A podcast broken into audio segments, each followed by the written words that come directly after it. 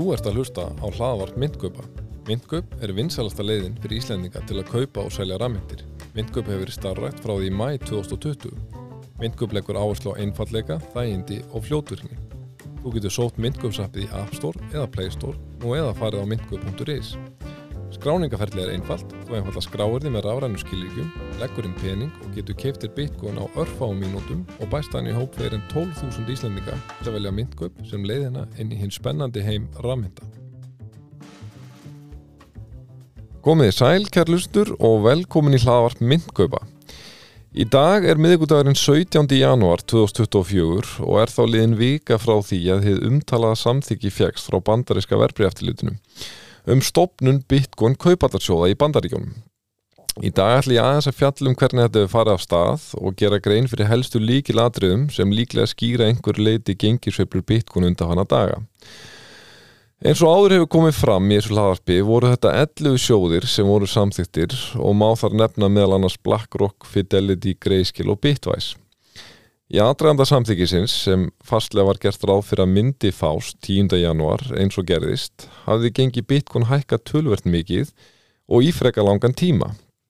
Það er eiginlega nokkuð erfitt að segja til um í hversu langan tíma þetta hefur haft áhrif á verðið en það hefur verið talað mikill eftirvæntingum tilkomu þessar sjóða síðan BlackRock sótti um í júni í fyrra og reynda lengur en hugmyndinum Bitcoin kaupallarsjóði er ekki nýja af nálinni en Winklevoss týpuranir sem stofnuður rafmyndakaupallana Gemini og eru sagðir eiga gríðalegt magna Bitcoin sjálfur lögðu inn slíka umsókn árið 2013 en hafðu vissulega ekki erindi sem erfiði. Hlustendur munu örugla margir eftir e, þeim úr myndinni Social Network sem fjallaði um stofnun Facebook Síðan þá hefur þessi hugmynd alltaf verið nokkuð reglulega í deglinni og margir talað um tilkomið þessar sjóða fyrst og fremst sem tímaspursmál. En þess má geta slíkur sjóður hefur starræktur í Kanada frá árinu 2021. En ég myndi kannski segja að verðið hafi byrjað að hækka fyrir alvöru þegar falsfrétt Cointelegraph sem fjalla var um í þessu hlaðvarpi byrtist um miðan oktober í fyrra. Þess efnis að bandariska verbreyalliti hefði gefið samþyggi sitt fyrir stofnun Bitcoin kaupallarsjóða þótt fréttin hafi verið leiðrétt sem falsfrétt innan klukkustundar má segja að markaðurinn hafi lifnað mjög við en á þessum tíma var verðið í um 28 stólarum. Verðið fór hins vegar hæst í 49 stólara í síðustu viku eftir að samþykji lág sannanlega fyrir. En eins og við þekkjum er oft skamt stóra högga á milli á þessum mörguðum og á þess örfám klukkustundum fór verðið niður um 41.700 dólara sem er um 15% lækkun all hressileg dífa þar eh, Bentu þá flestra á að hér værum dæmigerða uh, sell the news lækkun að ræða en við fjöldluðum aðeins um uh, þennan frasa bæði rúmur the news í síðustu viku. Síðan þá hefur gengið aðeins jafna sig en þó ekki mikið en það er í um 42.500 dólarum í þessum töluðu orðum. Eins og við vitum þá stýrist verðhæðum Bitcoin að mörgum þáttum. Eflaust er einn af þeim þáttum að nú er ákveði spennufall þegar svona stór viðbúri hefur raungerst og ríkið hefur sest. En þá vaknar auðvitað spurningin hefur ríkið sest.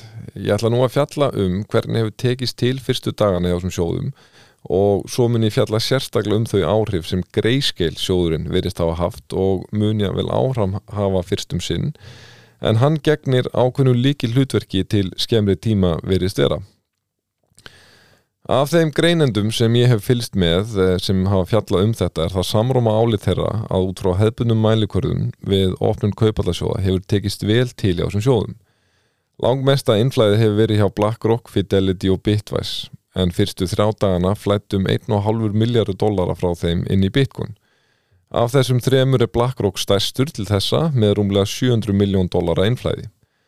Og þetta er óumdénilega mjög jákvæðar tölur og því beru þetta að fagna en uh, nú kann að lust eitthvað að velta því fyrir sér hvernig á því stendur að verði hefur getað lækka ja, mikið og raunbyrði vittni þráttur þetta einflæði þá komum við að því sem líklega skýrir þessa verðlækuna tölveri leiti og það er greyscale sjóðurinn en á fyrstu þremur dögunum var selt fyrir tæplega 1,2 miljardar dollari á greyscale og nú þurfum við aðeins að átt okkur á hvað greyscale var áður en sjóðurinn fekk samþyggi sitt eh, samþyggi til að breyta sér í kaupallarsjóð Ég þurfti að lesa mér tölver til um þetta sjálfur uh, til þess að skilja þetta til lítar en þetta er nú kannski ekki svo flóki þegar maður brítur þetta niður. Grayscale Bitcoin Trust er sjóður sem hefur verið starræktur frá árinu 2013. Sjóðurinn var starræktur með þeim hætti að fjárfestar keiftu bref í sjóðunum og sjóðurinn keifti Bitcoin. Ég spurði mig auðvitað hennu augljósa hver er þá munurinn á slíkum sjóði og Bitcoin kaupallarsjóðum. Ég greinlega ekki sá eini sem hefur spurt mig að þessu sama því að ég rakst á greinar sem fjölluðu munin á þessu tvennu og hann virðist kannski ekki mikill við fyrstur sín en hefur hins vegar gríðarlega áhrif. Aðalmunum fælst í því að fjöldi hluta í slíkum sjóðum er ákveðin í upphafi, rétt eins og með hlutabrif. Ég þekki ekki hvort það séu til sambarlega reglur um fjölkun og fækkun hluta eins og við um hlutabrif en ég gerir nú ráð fyrir að svo sé. En slíka breytinga krefjast tölvers ferlis. Þetta gerir það verkum að oft getur skapast mikill mismunur á verðmæti hluta í þannig sjóðum annarsvegar og verðmæti hinnar undirlikjandi eignar hinsvegar. Og það var sannlega tilfelli með greiðskil. Eftir þeim heimildum sem ég hef kynnt mér var mununum 30% eh, þegar samþyggi fjægst en hafi verið nálagt 50% í februar 2021. Með öðrum orðum þá voru hlutavanir fastir með eignir sínar í greiðskil nema þeir ætla að sætta sig að selja sig út á um 30% lagra verði heldur en er miðætti við gengi bitcoin. Og þetta ástand hafi varað árum saman. Þess vegna vildi Greiskil sækjum leifi frá SEC bandaríska verbreytildinu til þess að breyta sér í bitcoin kaupallarsjóð eða bitcoin spot ETF en hlutir slíkra sjóða eru uppfærið í samræmi við eftirspurn fjárfesta ef meira er keift heldur en selt á fjölgar hlutum og ef meira er selt en keift á fækkarlutum. Fyrir vikið þá er munminni og stundum ég vil nánast engin munur á verðmætti brefana og hinnar undirlikjandi eignar. Og það er einmitt málið þessum nýju bitcoin kaupalagsjóðum. Það er lítill munur, yfirleitt í kringu 0,1 til 0,5% á virði brefan og bitcoin. Fyrir þá sem vilja kynna sér þetta sjálfur þá aðdúastu auðvitað að það þýr ekki að gengi brefana síðan sama heldur hversu mikið færði fyrir peningin þegar þú kaupir og hversu mikið færði fyrir brefin þegar þú selur. Þannig að e, það þarf ekki að koma neinum á óvart að fjárfestar hafi vilja selja sig út úr greiðskil í ljósi alls þessa. Ekki síst þegar við þetta bætist að greiðskil ætlar að vera með munherra vörslugjald heldur en keppnutar þeirra. Allir þessi sjóðir hafa árlegt vörslugjald sem er yfirlega kringu 0,2 til 0,5% en greiðskil er með langhæstagjaldið eða 1,5%. Þannig að líklega stýrist þetta, eh, líklega skýrist þetta útflæðið að einhverju leiti einni af gremju vegna þessa. Og til að kóruna þetta, þá er greiðskil einnig langstæsti sjóðurinn eins og sækir standa. En sjóðurinn var með um 28 miljardar dólar í eignir 10. januar. Fyrir vikið er eflust ekkert órögrétt að ætla að þetta taki nokkrar vikur að jafnast út. Hins vegar ætti að draga verulegur áhrifum greiðskil á öllu óbreyttu eftir því sem vikuna líða. En þrátturir allt þetta, alltaf þessa sölupressu uh, frá Greyscale uh, var samt netto innflæði um 800 miljónir dólara fyrstu þrjá dagana sem hlýtur að teljast í ákvæmt. Ég vona að þetta hafi skýrt landslægi aðeins fyrir okkur uh, öll.